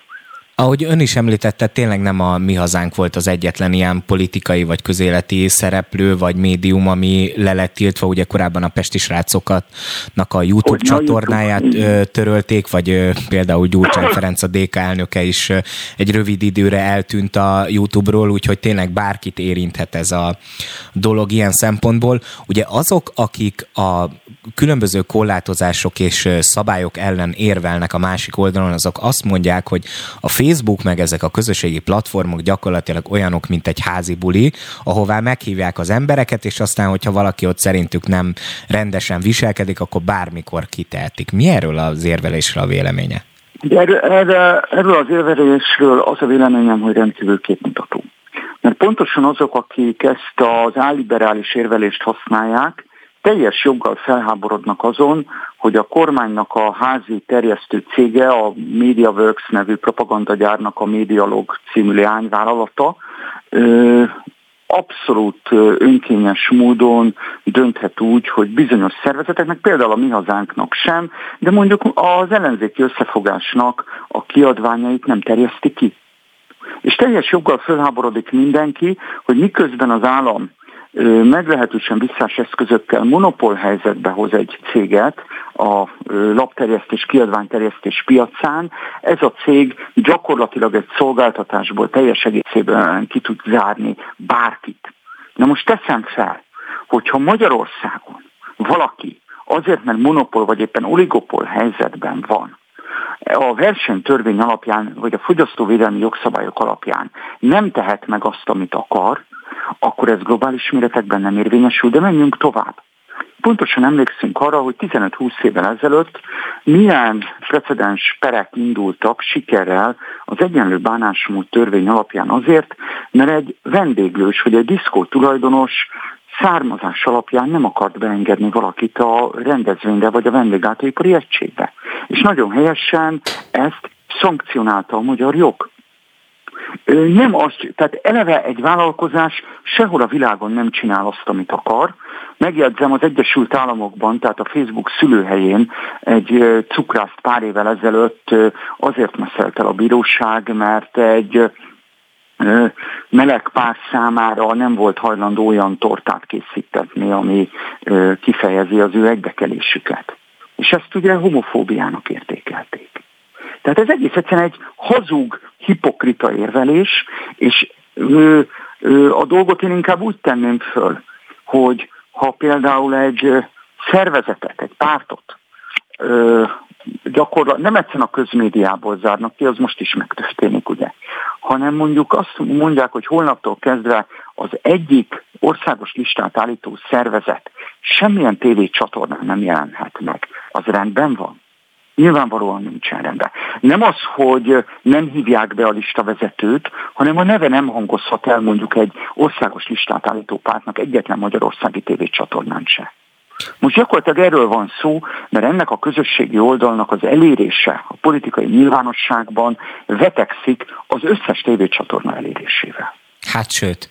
És ugye tulajdonképpen azt szokták mondani, hogy azért ezek nagyon fontos platformok ilyen szempontból, tényleg választás befolyásoló hatása van, most is több száz millió forintot, vagy akár milliárdokat is elköltenek a választási kampányban, míg a klasszikus médiumokra nagyon szigorú szabályok vonatkoznak. Ugye nekünk is például nyilatkozni kellett a választás előtti időszakban arról, hogy befogadunk-e politikai hirdetéseket, nyilvánosságra kellett hozni a különböző állistákat, hogy a közösségi médiában, ahol egyébként az igazi kampányköltések folynak, és ez nagyon sokszor nem is transzparens módon történik, itt mit lehetne csinálni jogilag? Hát ez egy jó kérdés, megint csak, mert megint azzal állunk szembe, hogy a magyar szervek, nem csak a versenyhatóság, a választási szervek is, vagy az ÁSZ is gyakorlatilag eszköztelen ezekkel a cégekkel szemben, de jó helyre tapintott rá, tudnék éppen arról van szó, hogy ez a húzása a Facebooknak a tisztességes kampányelszámolást is meghiúsíthatja, hiszen a mi hazánknak azzal is el kell számolnia, vagy el kellene számolnia, hogy eddig mennyit, mit költött Facebook hirdetésekre. Ezt a mi hazánk nem fogja tudni megtenni rajta kívülálló okokból. Hát ugye nem tudja letölteni a számlát, mert pontosan, nincs meg a hozzáférés. Pontosan, pontosan, tehát ennyiben a Facebook fenyegeti a magyar választási eljárásnak a tisztaságát, hiszen lesz legalább egy olyan versenyző szervezet, amelyik rajta kívülálló okból nem fog tudni tisztességesen elszámolni a kampányköltésekkel. Tudom, hogy ez egy nagyon messzire vezető kérdés, és nincs is túl sok időnk, úgyhogy csak röviden kellene valamit mondani rá, biztosan nem egyszerű, de hogy tulajdonképpen hol vannak a vörös vonalak, mert ugye akik ezeket a közösségi médiumoknak a működési szabályait megalkotják, azok azzal érvelnek, hogy hát nagyon jó dolog a szólásszabadság, de hát nem lehet azért nagyon szélsőséges nézeteket vallani, vagy itt a koronavírussal kapcsolatban az oltás tagadók lekerültek mondjuk ezekre a közösségi média platformokról. Tehát hol vannak azok a vörös vonalak, ahol már ön is azt mondja, hogy mondjuk a szabályozó jogos, hogyha beleteszi azt, hogy hogyha ez a kritérium ez megsértésre kerül, akkor viszont tényleg jogos az, hogy valakit eltüntessenek. Kénytelen vagyok visszalépni oda, hogy az első számú kérdés az, hogy ki a szabályozó. Tehát, hogyha egy amerikai cukrászdának még nyilvánvalóan semmilyen szempontból nincsen monopól helyzetben, bizonyos egyenlő bánásmód szabályokat be kell tartania. Hogyha egy tévécsatornának be kell tartani a szabályokat, ha egy monopól helyzetben lévő lapterjesztő cégnek kőkemény versenyjogi regulákat be kell tartania, akkor ennek érvényesnek kell lenni a tech cégekre is. Ez az első. A második az inkább egy elméleti kérdés az első kérdés miatt, hiszen jelenleg nincs ilyen hatóság, sem nemzeti, sem nemzetközi szinten. Én azt mondanám, hogy Magyarországon is még a 90-es évek elején a Sólyomféle Alkotmánybíróság a szólásszabadság határainál azt a Clear and Present Danger tesztet vette alapul, ami egyébként éppen az amerikai legfelsőbb bíróság gyakorlatában jegyecesedett ki. Ez ugye magyarra lefordítva az erőszak nyilvánvaló és közvetlen veszélyének a felidézését teszi meg. Tehát tulajdonképpen... A szabadság határának tulajdonképpen bármit mondhatunk, szabadon, erőszakra, erőszakra nem, nem lehet pusztítani. Én azt gondolom pontosan, tehát akkor, amikor mondjuk terrorcselekményeket akarnak előkészíteni, vagy erőszakra, gyilkosságra buzdítanak, sőt, nagyon megengedő vagyok idézőjelbe, azt mondom, hogy amikor ilyen verbális lincseléseket követnek el, tehát amikor százan rámennek valakire, és a pokolba kívánják, akkor igen, van helye a szólás korlátozásának. De akkor, amikor A. nincsen az erőszaknak nyilvánvaló és közvetlen veszélye, B. az indokát sem adja a cég. Tehát azért legyen világos, ugyan én is tettem egy kitételt arra, hogy a mi hazánktól nem idegenek a homofób, rasszista kiszólások, de a konkrét esetben semmilyen indokot nem hozott fel a tech cég, és ez a legnagyobb probléma, önkényesen nem lehet a szólásszabadságot korlátozni, és régen nem egy magáncég magánügyéről van szó akkor, amikor a politikai nyilvánosságnak az összes tévécsatorna elérésével vetekedő hányadából zárnak ki egy választási kampányban versenyző jelölő szervezetet. Sifer András jogász volt a vendégünk, köszönjük szépen, hogy Köszönjük mindezt szépen. elmondta. További Köszönöm. szép napot! Spirit FM 92.9 A nagyváros hangja a legfrissebb felmérések azt mutatják, valószínűleg nem fog bejutni a parlamentbe a két farkú kutyapárt. Hasonló megállapításra jutott a 21 kutatóközpont is. Az intézet ugyanakkor megjegyzi, annak ellenére, hogy az MKKP szavazóinak elsőprő többsége kormányváltást akaró, inkább az ellenzékhez közelebb álló szavazó a párt parlamentbe való bejutása nehezebb helyzetbe hozná a közös ellenzéki listát. Könnyen felállhat azonban az a helyzet is, hogy Kovács Gergely pártja válik a mérleg nyelv nyelvévé a választások után. A kétfarkú kutyapárt esélyeiről Bolyár Ábelt, a 21 Kutatóközpont szenior ellenzőjét kérdezzük. Jó reggelt! Jó reggelt kívánok! ne kerülgessük a forrókását, csapjunk így bele a közepébe. Van esélye a kétfarkú kutyapártnak bejutni? Ugye most az elmúlt napokban egy csomó közéleménykutatás megjelent, amelyek azt prognosztizálták, hogy nem fogják elérni az 5%-os parlamenti küszöböt.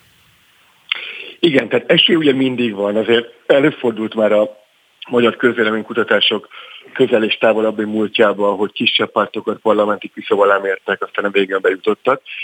De azt kell, hogy mondjam, hogy ami most, ami most nagyon szembetűnő a mérésekben, hogy több mérés sokszor egyöntetűen azt méri, hogy nincsenek is igazán a parlamenti küszöb közelében. Tehát nem arról van szó, hogy ilyen 4,5 százalékon lennének, hanem inkább három is. És a több intézet átlag ezt mutatja, azért az erő, e, elég erős indikáció arra, hogy nem fognak bejutni, és akkor kicsit tovább is megyek, válaszolva a kérdésre, hogy ut, ugye az utolsó heti mozgásokat szem előtt tartva, azért az nagyon fontos megjegyezni, hogy itt ugye kétfajta, el, elméleti szinten kétfajta mozgás feltételezhető, ami a kutyapárt számára releváns. Az egyik az, hogy a két nagy párt, a két nagy tömb szavazói mégis úgy döntenek az utolsó pillanatban, hogy a kutyapártra szavaznak, vagy fordítva, a kutyapártosok döntenek, a, döntenek az egyik vagy a másik tömb mellett azt lehet feltételezni, hogy a második mozgás erősebb lesz. Tehát minél kiélezettebb a, a parlamenti választások igazi tétje, és minél szorosabb a verseny, annál inkább kerülnek nyomás alá a kutyapárt szavazók, hogy vég, végső soron hasznos szavazatot adjanak le, és ez tovább gyengítheti a kutyapártot. Az ajánlásgyűjtés alatt volt szerencsém beszélgetni több kutyapártos aláírás gyűjtővel, akik amiatt panaszkodtak, hogy a várakozásokhoz képest sokkal gyengében jöttek az aláírások, például a fővárosban is, mint számítottak rá. Ezekből már levonhatott a kétfarkú kutyapárt akkor valamilyen fajta ö, konzekvenciát, hogyha ennyire rosszul megy az ajánlásoknak az összegyűjtése, akkor baj lehet majd a választásokon is. Azért most tényleg ambicionálták magukat arra, hogy megugorják a bejutási küszöböt, és sokáig beszéltek is erről elég komolyan a, az elemzők, hogy, hogy van erre esély. Igen, tehát azért nagyon fontos különbséget tenni egy közvéleménykutatás és egy terepmunka tapasztalatai között. Tehát egy dolog az, hogy adott esetben parlamenti bejutáshoz elégséges számú ember állítja egy közvéleménykutatónak, hogy a kutyapártra szavazna, és egy másik dolog az, hogy ezek a szavazók mennyire aktívak, adott esetben például hajlandóak hajlandóak lennének oda menni közterületen is aláírni egy kutyapártos aktivistának. Azt lehet látni a kutatásokból, hogy a kutyapárt szavazói az átlagnál kevés, tehát politikailag kevésbé aktívak. Tehát nem, a, nem arról a fajta választói csoportról van itt szó, aki mindenképpen elmegy szavazni, és nagyon elkötelezett szavazói lennének a pártnak. Itt egy pillanatra Igen? álljunk is meg. Ugye nagyon sokszor Igen. elhangzott a kétfarkú kutyapárttal szemben az az érv, hogy tulajdonképpen ők az ellenzéki összefogástól visznek el szavazatokat. A kétfarkú kutyapárt meg mindig azzal érvelt a másik oldalon, hogy azt mondták, hogy nekünk olyan szavazóink vannak, akik ha mi nem lennénk ott a szavazólapon, akkor nem mennének el voksolni. Most akkor kinek van ebben igaza? Hát szokás is választ tudom erre adni mindkettőnek. Azért mindkettőnek, mert egyfelől igaz az, csak nagyon gyorsan elmondom, hogy hogy lehet erre választ adni. Tehát több olyan közvéleménykutatást csináltunk mi is, meg mások is, akik fel, feltették a standard pártreferencia kérdést, hogy kire szavazna a létező listák közül, beleértve a kutyapártot, vagy feltettünk olyan kérdéseket is, hogy mi lenne azonban, ha csak a két nagy párt, tehát a kutyapártot kihagyva, a mi hazánkot kihagyva. És akkor a két válasz alapján azért lehet nézni a potenciál, a hipotetikus választói áramlásokat, hogy kire szavaznának akkor, ha igazából nem létezne a kutyapárt. És azért azt lehet látni, tehát hogy igazat adjak mindkét állításnak, narratívának, hogy a legtöbben valóban nem szavaznának, tehát az a leggyakoribb helyzet, hogyha nem lenne kutyapárt, akkor nem szavaznának, Viszont az a kisebb rész, ami mondjuk összesen kb. a kutyapártosok fele, aki viszont választana a két nagy közül, inkább az ellenzéket választanám, mint a Fidesz 2-1-3-1 arányban. Tehát az az állítás is igaz, hogy végső soron a két nagy versenyében az ellenzéknek át többet a kutyapárt, mint a Fidesznek.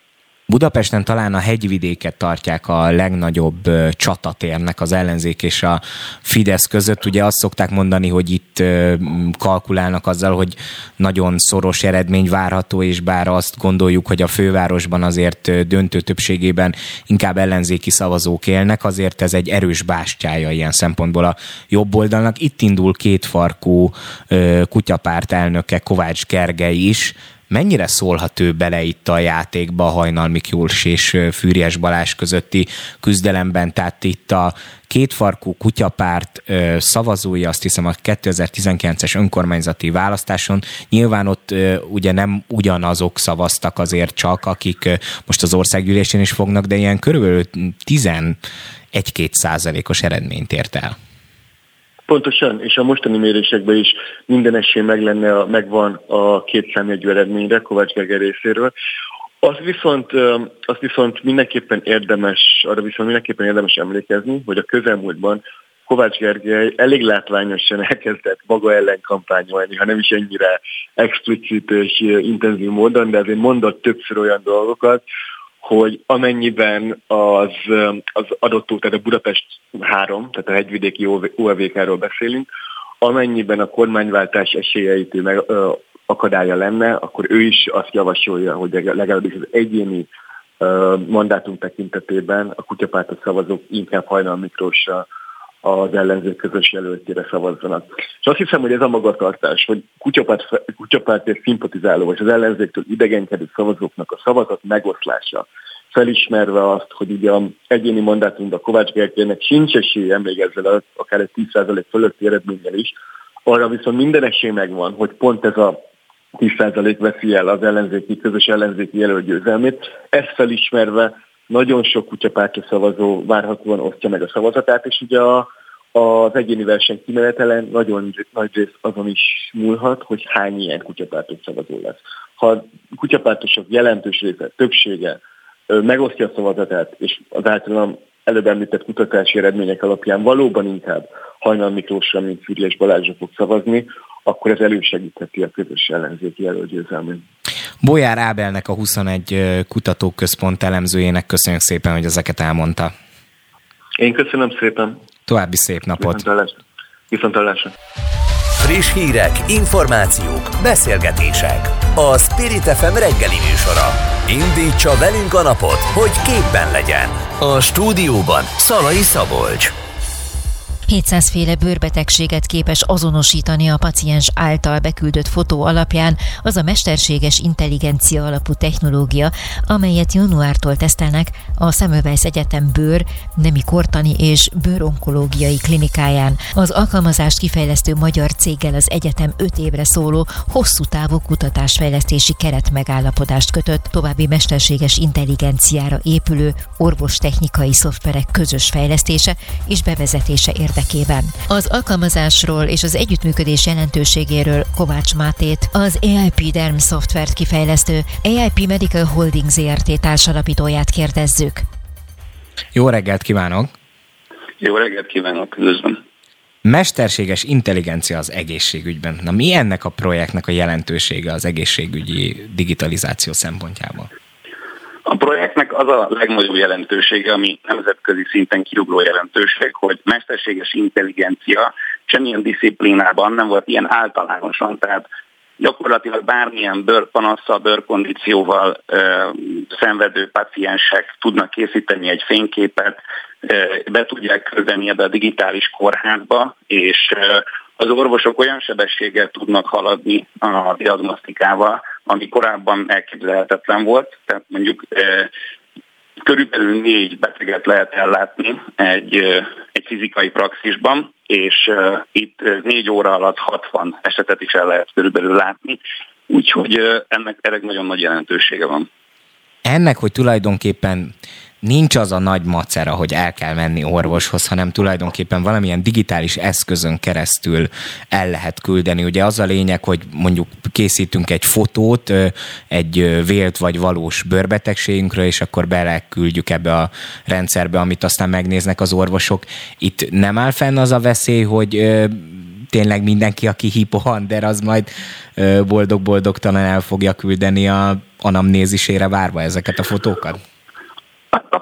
tapasztalat azt mutatja, hogy, nem ez történik. Rengeteg olyan üzenetet kapunk a akik vagy azért, mert akadályoztatva vannak fizikailag, vagy azért, mert financiális gondjaik vannak, nem tudnak elmenni privát praxisba olyan frekvenciával, ami megnyugtató lenne számukra, és ez egy óriási lelki megkönnyebbülés. Nyilván vannak hipohonderek, én is szerintem közéjük sorolható vagyok, és a hipohondria a bőrbetegségekkel kapcsolatban azt gondolom, hogy inkább javallott, mert mi nem elsősorban bőrrák szűrésre fókuszálunk, de a bőrrákról azt érdemes tudni, hogy globális szinten négyből egy ember az élete során általában 50 év felett találkozik, vagy bazalioma, vagy melanoma esetekkel, és a, a szűrés rendkívül fontos, mert az első fázisban elkapott bőrbetegségek, vagy a bőrrákok a gyógyulási esélye gyakorlatilag 100% és drasztikus a, a, a csökkenés. Illetve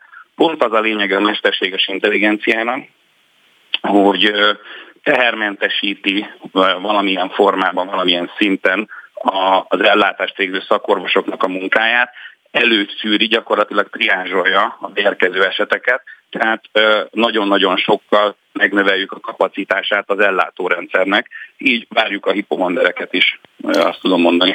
Magyarázza el, legyen szíves nekem egységsugarú újságírónak, hogy a gyakorlatban hogyan működik ez a dolog, tehát hogy egy fotó alapján a mesterséges intelligencia hogyan tudja ezt eldönteni? Kettőféle eh, képi anyaggal dolgozunk a kutatásfejlesztésben, makroszkopikussal, tehát egyszerű eh, telefonnal készített fényképekkel, illetve dermatoszkopikusra, eh, amik, amik a lakossági felhasználásban ugye nem általánosan elérhető képek, ezeket általában a, az anyajegyes elváltozásokhoz használjuk. És a paciensek megadnak ezen kívül fontos adatokat a tüneteikkel kapcsolatban. Ezt látja az ellátást végző szakorvos, látja a képet, és a mesterséges intelligencia, ami több mint két millió képpel lett feltanítva, az kidobja egy differenciál diagnózist, ami az esetek túlnyomó többségében, több mint 90%-ban a végén ki is lesz választva a szakorvos által. Tehát fontos a páciens életkora, a neme, ezek alapján is szűr a mesterséges intelligencia. Nagyon fontos, hogy jó minőségű fényképet enged csak át a rendszer, szépen megvilágított közelről, közelről készített képe van szükség, és ez a kombinációja a, az orvosi kapacitásnak és a technológiának, tehát nem lehet cserélni, tervezzük mi a jövőben sem az orvosokat, hanem szuper képességeket adni nekik. E, ezt a projektet tulajdonképpen a koronavírus helyzet valamennyire serkentette, meggyorsította, felpörgette, népszerűbbé teheti. Ugye itt azért sokan nem csak úgy vannak akadályoztatva, hogy esetleg valamilyen ö, fizikai okból fakadóan ugye nem tudnak ö, elmenni az orvoshoz, vagy csak nagyon nehezen tudják megközelíteni az ilyen egészségügyi intézményeket, hanem azért is, mert ö, hát a járványhelyzetben ugye azt mondják, hogy mindenki maradjon otthon, csak nagyon indokolt esetben menjünk orvoshoz, és tulajdonképpen itt volt egy ilyen piacirés, vagy egy ilyen kvázi történelmi pillanat, amikor ezt be lehetett vezetni szélesebb körben, vagy tulajdonképpen így ez teljesen független volt a járványtól? Egyrésztről teljesen független, másrésztről biztos, hogy volt egy, egy történelmi pillanat, az nemzetközi szinten látható volt, hogy a távoli ellátásra épülő digitális egészségügyi megoldások azok rendkívül nagy lendületet kaptak 2020 első negyedévtől.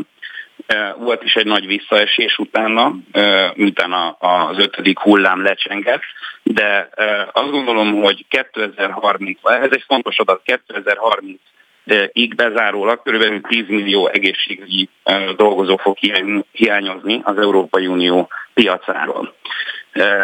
Ami, azt jelenti, hogy borzasztó nagy kihívás az, hogy az egyre idősödő társadalomban egyre több krónikus betegséggel ellátandó paciens megfelelő egészségügyi ellátást tudjon kapni úgy a, a, a privát egészségügyben, mint az állami finanszírozott egészségügyben. Ezért azt gondolom, hogy a történelmi jelentősége a pandémiának az, hogy adott egy lehetőséget az ilyen digitális távoli ellátásra épülő eszközöknek, hogy gyorsabban adaptálódjanak, hogy amikor már a pandémián túlmutató problémákra kell választ adni, akkor készen álljon a, a, a rendszer. Hát én mindenképpen ki fogom próbálni, most meghozta hozzá a kedvemet, úgyhogy köszönjük szépen Kovács Mátyának, hogy mindezt elmondta nekünk, további szép napot! Köszönöm szépen! Friss hírek, információk, beszélgetések. A Spirit FM reggeli műsora. Indítsa velünk a napot, hogy képben legyen. A stúdióban Szalai Szabolcs. Lehetnek még meglepetései a pandémiának, figyelmeztet Kemenesi Gábor közösségi oldalán. A virológus bejegyzésében arról ír, a vírus mutálódása nem jelezhető előre kellő mértékben. Az eddigi problémás variánsok is egymástól független ágon jöttek létre, bizonyos hajtóerők pedig fokozhatják az új mutáció kialakulását. Mindeközben Müller Cecília is arról beszél, több országban ismét jelentős növekedésnek indult az új fertőzöttek száma. A pandémia alakulásáról Rusvai Miklós virológussal beszélgetünk. Jó reggelt kívánok! Jó reggelt kívánok! Ugye most nehéz helyzetben vagyunk, mert a választás hetében vagyunk. Hétvégén lesz a voksolás, és a szomszédos országban ugye egy háború is zajlik, és tulajdonképpen ebben a nagy hírzajban, mint hogyha egy kicsit én úgy érzem személyesen, hogy elfeledkeztünk volna arról, hogy egyébként van egy ilyen pandémiás helyzet. Ön ezt hogy látja? Így látom, és úgy gondolom, hogy ez így helyes. Vagyok be őszintén az ön által említett két esemény, vagy, vagy ö, folyamat, az azért most ebben a pillanatban nekünk ö, fontosabb, a mi szempontjaink szerint fontosabb, mint a járvány, ami szerencsére ö, jelentősen alább hagyott a korábbi hetekhez, illetve különösen a korábbi hullámok kártételéhez képest. Tehát én úgy gondolom, hogy egy idő után erről a járványról vagy légzőszervi betegségről elfordul a figyelem, hiszen jelentősen csökkent a kórokozónak a megbetegítő képessége, tehát előbb-utóbb egy normál légzőszervi influenza, vagy akár csak nátha jellegű probléma lesz belőle ez az úgynevezett endémia szakaszban vagyunk most jelenleg? Így van. Nagyon jó, tökéletes.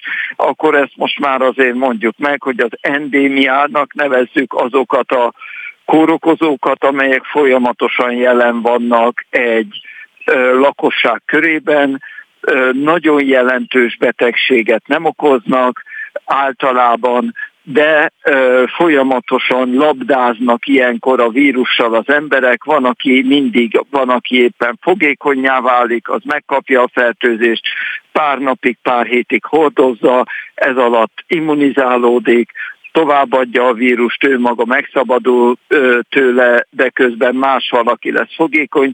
Tehát így a lakosságban a közel 10 millió ember között mindig lesznek fertőzöttek, mindig lesznek immunisak, és mindig lesznek fogékonyak. Tehát, hogyha jól értem, akkor ez azt jelenti, hogy ez most már életünk végéig így velünk marad. Ezt most már így meg, meg kell szoknunk, úgymond. De Mint a másik négy koronavírust, ami már ki tudja hány évtizede vagy évszázada ugyanígy velünk van, és folyamatosan légzőszervi megbetegedéseket okoz, anátha időszaka alatt ősszel télen. Nagyon sajnálatos dolog, hogy ugye sokan meghaltak a járványban Magyarországon is, de nagyon sokan aggódnak a járványnak a gazdasági hatásai miatt, hogy különböző korlátozó intézkedéseket vezettek be, és a lakosság egy része ilyen szempontból nagyon nehéz helyzetbe került.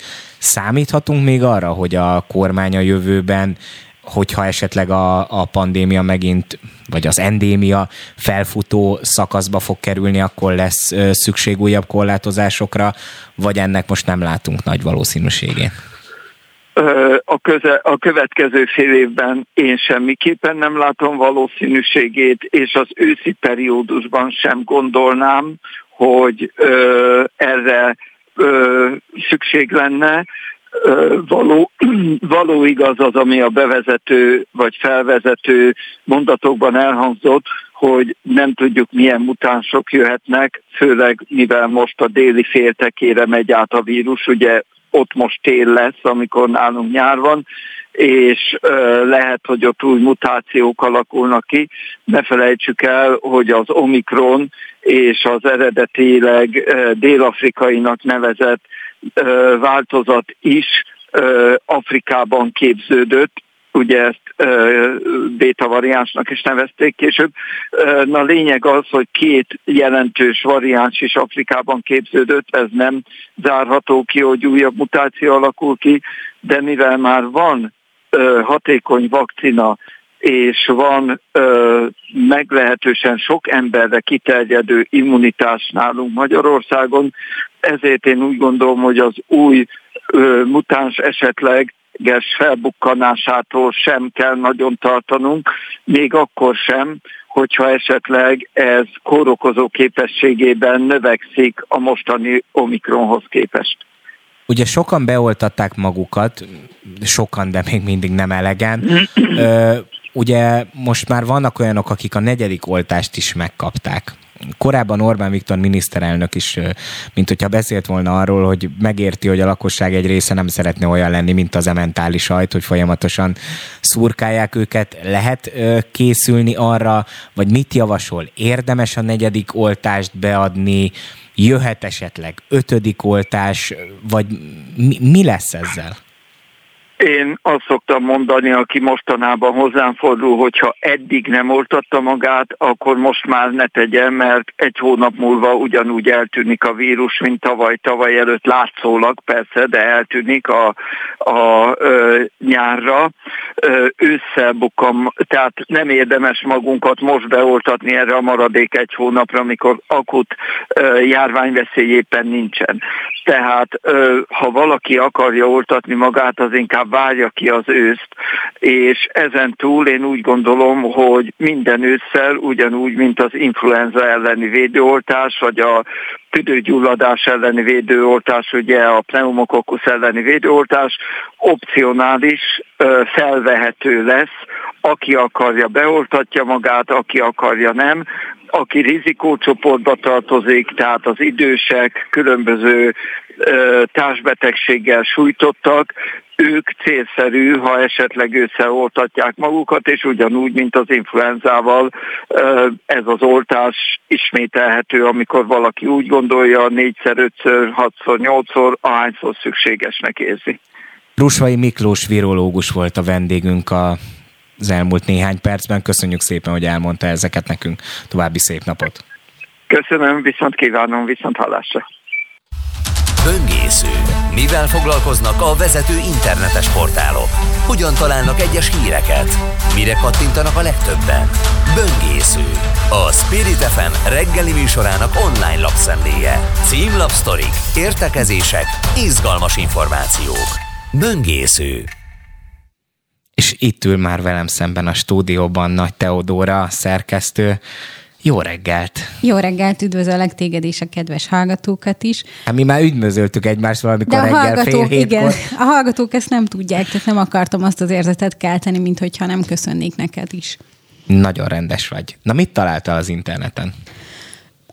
Idén is kiosztja a Laposföld díjat a Skeptikus Társaság. Ez arról szól, hogy, hogy lehet jelölni embereket április 1 és 14 között, és a Skeptikus Társaság olyan személyeknek a jelölését várják, akik áltudományos nézeteket terjesztenek, tudományellenesek, vagy esetleg valamilyen szélhámosságot követtek el.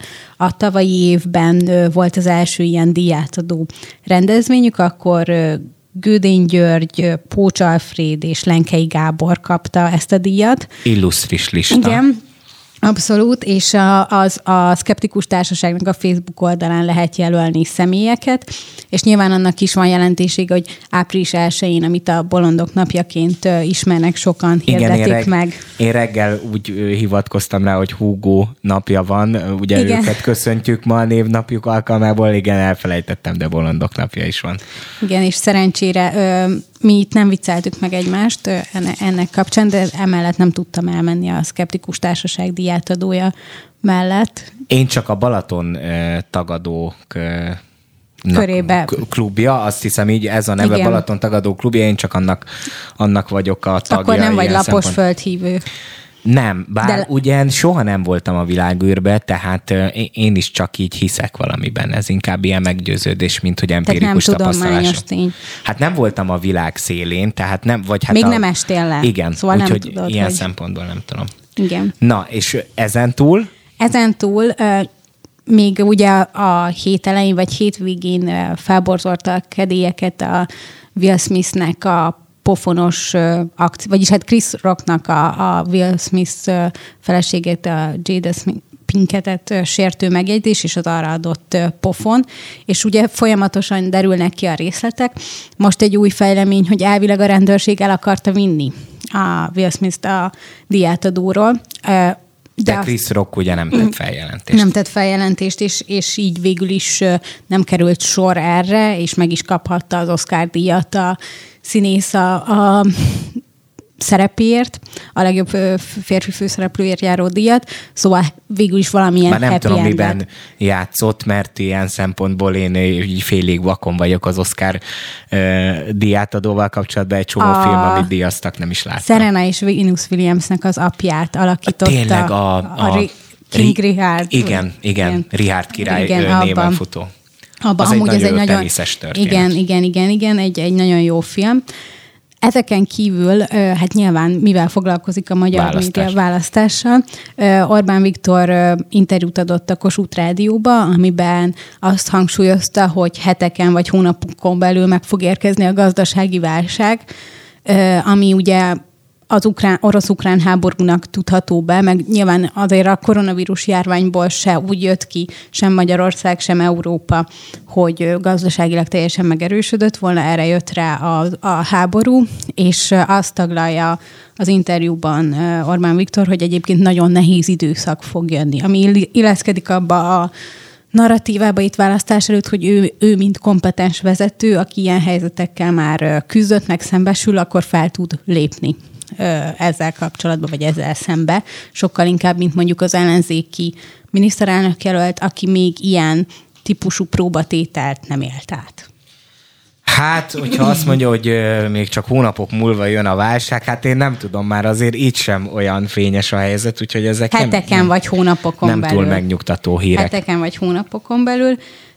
Ezen kívül a, még Gulyás Gergely a Hír TV-be tegnapi, tegnapi napon azt mondta, hogy hát mindenki durva jogsértésekről nyilatkozik most ellenzéki, meg kormánypárti oldalról is. Ugye ellenzéki oldalról megjelenik a, az erdélyi szavazatok, vagy levélszavazatoknak a kérdése, kormánypárti oldalról pedig a, az SMS-ek tehát mindenki egymásra mutogat választási csalás témában. Gulyás Gergely nyilván az ellenzéknek a, a szerinte választási csalás vagy választás befolyásolására ö, irányuló tevékenységre hívta fel a figyelmet, míg a, az ellenzéki oldalról a levélszavazatokra, és a Népszabadságban a László Róbert fejtette ki hosszan, hogy miért számít ez választási csalásnak, és hogy miért kérdőjelezi meg a választás tisztaságát az, hogy ilyen típusú szavazatokat találnak, aminek az eredete ugye nem megfogható, nem meg, megmagyarázható, hogy most azokkal ténylegesen mi történt.